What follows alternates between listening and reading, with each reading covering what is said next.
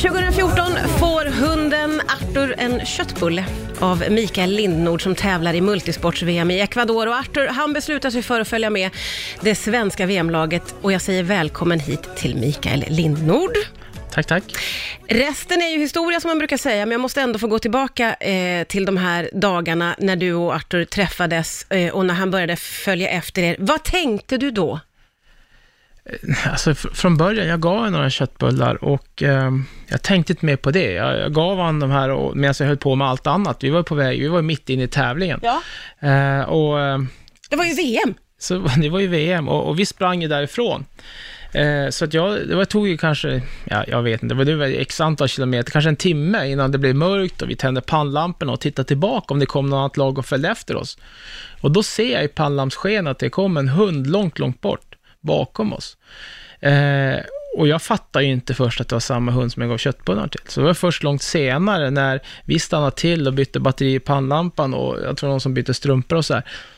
Där jag kände, ja men det, det är ju han. han jag- eller han, det visste jag inte om det var han Nej. eller hon, men, men det var ju han jag gav köttbullar till. Och vi skulle genom djungeln och de hade varnat för det var en extremt tuff sträcka och så här. Jag sa det åt honom, ska du verkligen med oss och så här. Men det var som att, nej, det här ska jag med. Och vi gick alltså i gegga till knäna. Så de här äh, fyra milen genom djungeln, det tog oss liksom ett halvt dygn, om inte mer. Och hunden följde med. Ja, sen, sen dess har vi varit oskiljaktiga. Och hur mycket älskade du hundar innan du träffade Arthur?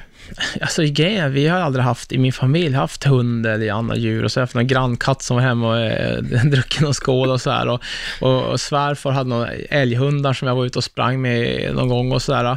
Eh, men jag har aldrig haft egen hund och jag har aldrig haft ambitioner egentligen i mitt tidigare liv ha haft hund liksom, eller något annat djur hemma. Man har så mycket fullt upp med den idrottssatsningen och Ja. jag, jag vill bli bäst i världen i, Ja. inom adventure racing, multisport. Det var mitt fokus.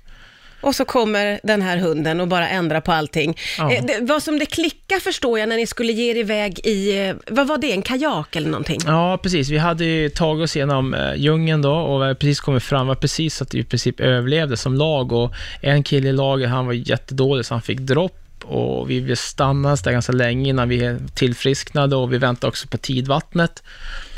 Och sen så, eh, Karen och Staffan i laget, de börjar paddla iväg och jag och Simon sitter i en, sitter i en, en av kajakerna och, och jag vet att folk sitter, står där på stranden, jag, kommer, jag ser liksom i, i, i, i sidan mitt, mitt, mitt, mina ögon och, och arrangören säger, ni kan inte ta med er hunden, för de har ju förstått att, att Arthur, han har fått sitt namn Arthur, var med oss.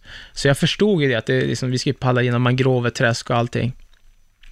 Och då så, ja, vi, bara, vi, paddlade, då så, vi började paddla. Och jag tar några tag och då hör jag liksom pluffs. Nej. Och då vänder jag på huvudet och ser liksom hur han kommer. Han är inte jättebra på att simma heller. Nej. Så han har ju nosen precis ovanför Nej men vattenytan. sluta.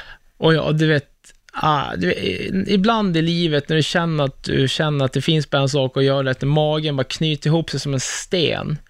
Den känslan hade jag då, så jag, det var bara, ah, men nu gör vi det tillsammans. Så jag lyfter upp han i knät, eh, utan egentligen någon plan på att överhuvudtaget skulle gå eller någonting. Men, och han, är, han är väger 30 kilo, en ganska stor hund.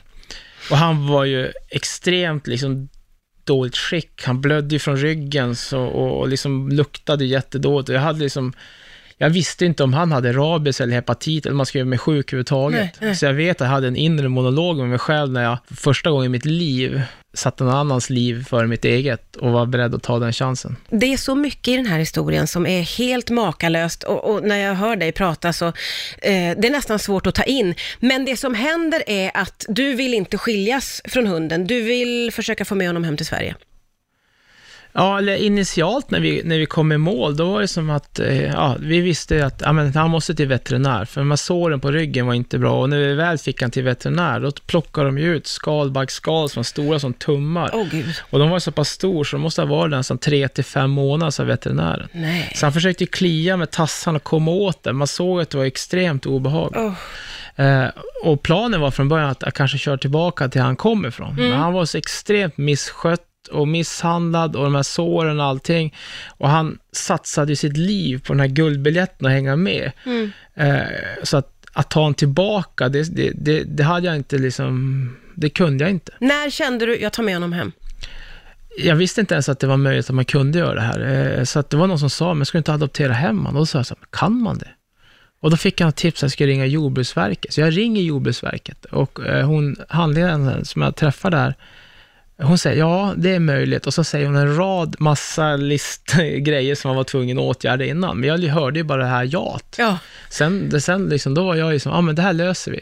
För jag är liksom, jag, jag har ju en talang och det är att jag aldrig ger upp. Ja. Så jag tänkte, om jag ger mitt yttersta, då finns det en, en rimlig chans att jag ska klara det. ja.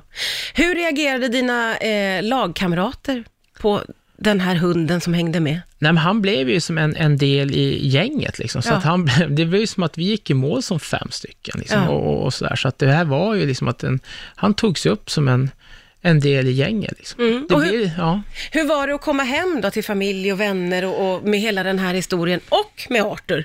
ja, grejen är att för att ta hem från Sydamerika så måste man ju vara i karantän i fyra månader. Så det var ju, vi visste att det var det som gällde och Ja. det, hade vi, det hade vi löst. Och, eh, jag tror att så här, facit i hand så kanske det var bra, för han hade ju daglig sjukvård och det tog ju typ jag tror nästan hela tiden innan den här såren på ryggen hade läkt ordentligt och så här. Och de gjorde ett fantastiskt jobb. Och vi Gud, fick- att han vi- repade sig. Ja, vi kunde, och vi, ja, precis, och vi kunde eh, träffa honom några gånger och sådär, vilket var, var fantastiskt liksom. Men nej, alltså när han väl, när vi väl kom hem, då, då kom jag ihåg den dagen vi åkte hem då, så var att han snusade runt i, i hela huset. Liksom. Vi hade öppnat alla dörrar och allting. Och så hade vi köpt en bädd som vi hade lagt liksom mitt i huset där och han, han, och då som bara la han sig och så sov han hela natten ungefär som att det var inget konstigt.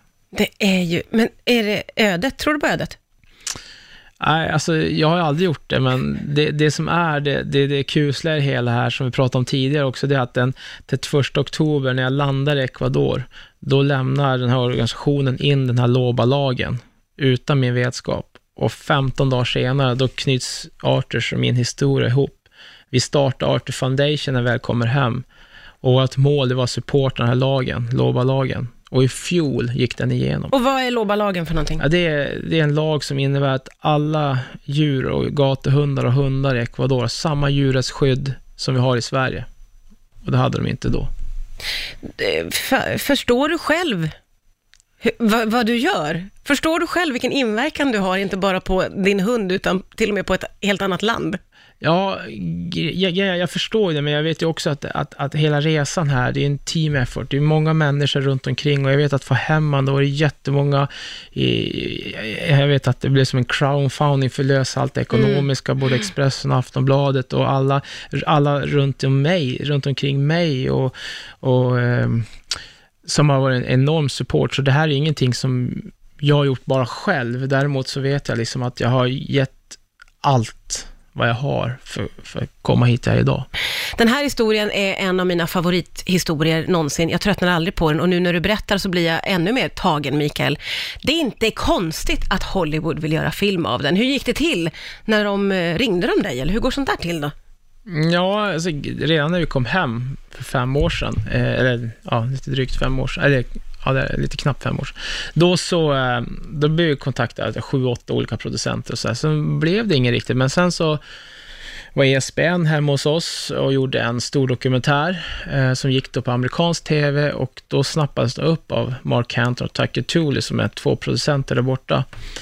Och det var de och så var ett till produktionsbolag som var ganska stort som hörde av sig, men när, när Mark och Tucker och, och, och de ringer mig så, så liksom hur de säljer in det där och pitchar in hur de ser historien framför sig, då var det liksom ingen snack. Jag, alltså, jag kommer ihåg jag sta- stod i telefon och bara tåren bara rann liksom, hur de målade upp hela historien och så här. Så, Ja.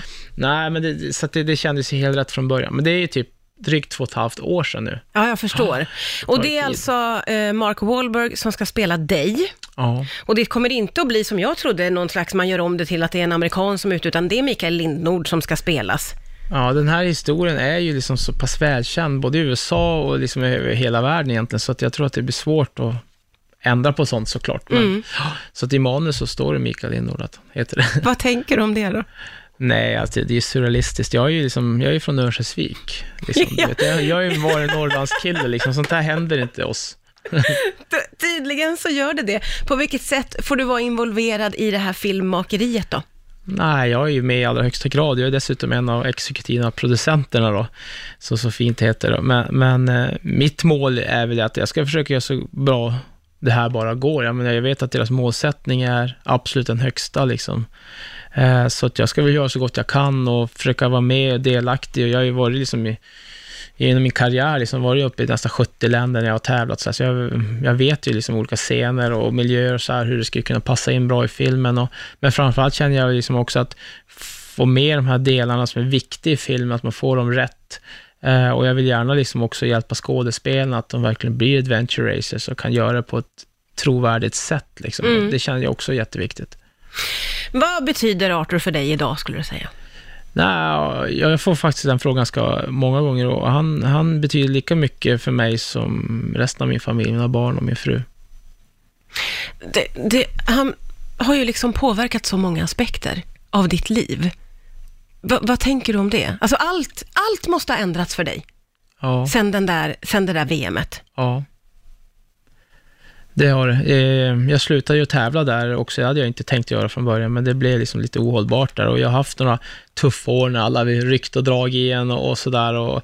Men, men eh, ja, jag, jag har ju valt att liksom på något sätt förmedla Arthurs berättelse. Det är ju det är ju Arthur som är stjärnan, liksom. det är han som är the leading part där. Jag är egentligen bara en som berättar hans historia. Ja, det är en sån jädra historia. Jag, jag, jag älskar historien och jag ser fram emot den här Hollywoodfilmen och jag är så glad att du kom hit till Rix FM idag. Tusen tack, Mikael Lindholm. Tack för att jag fick komma.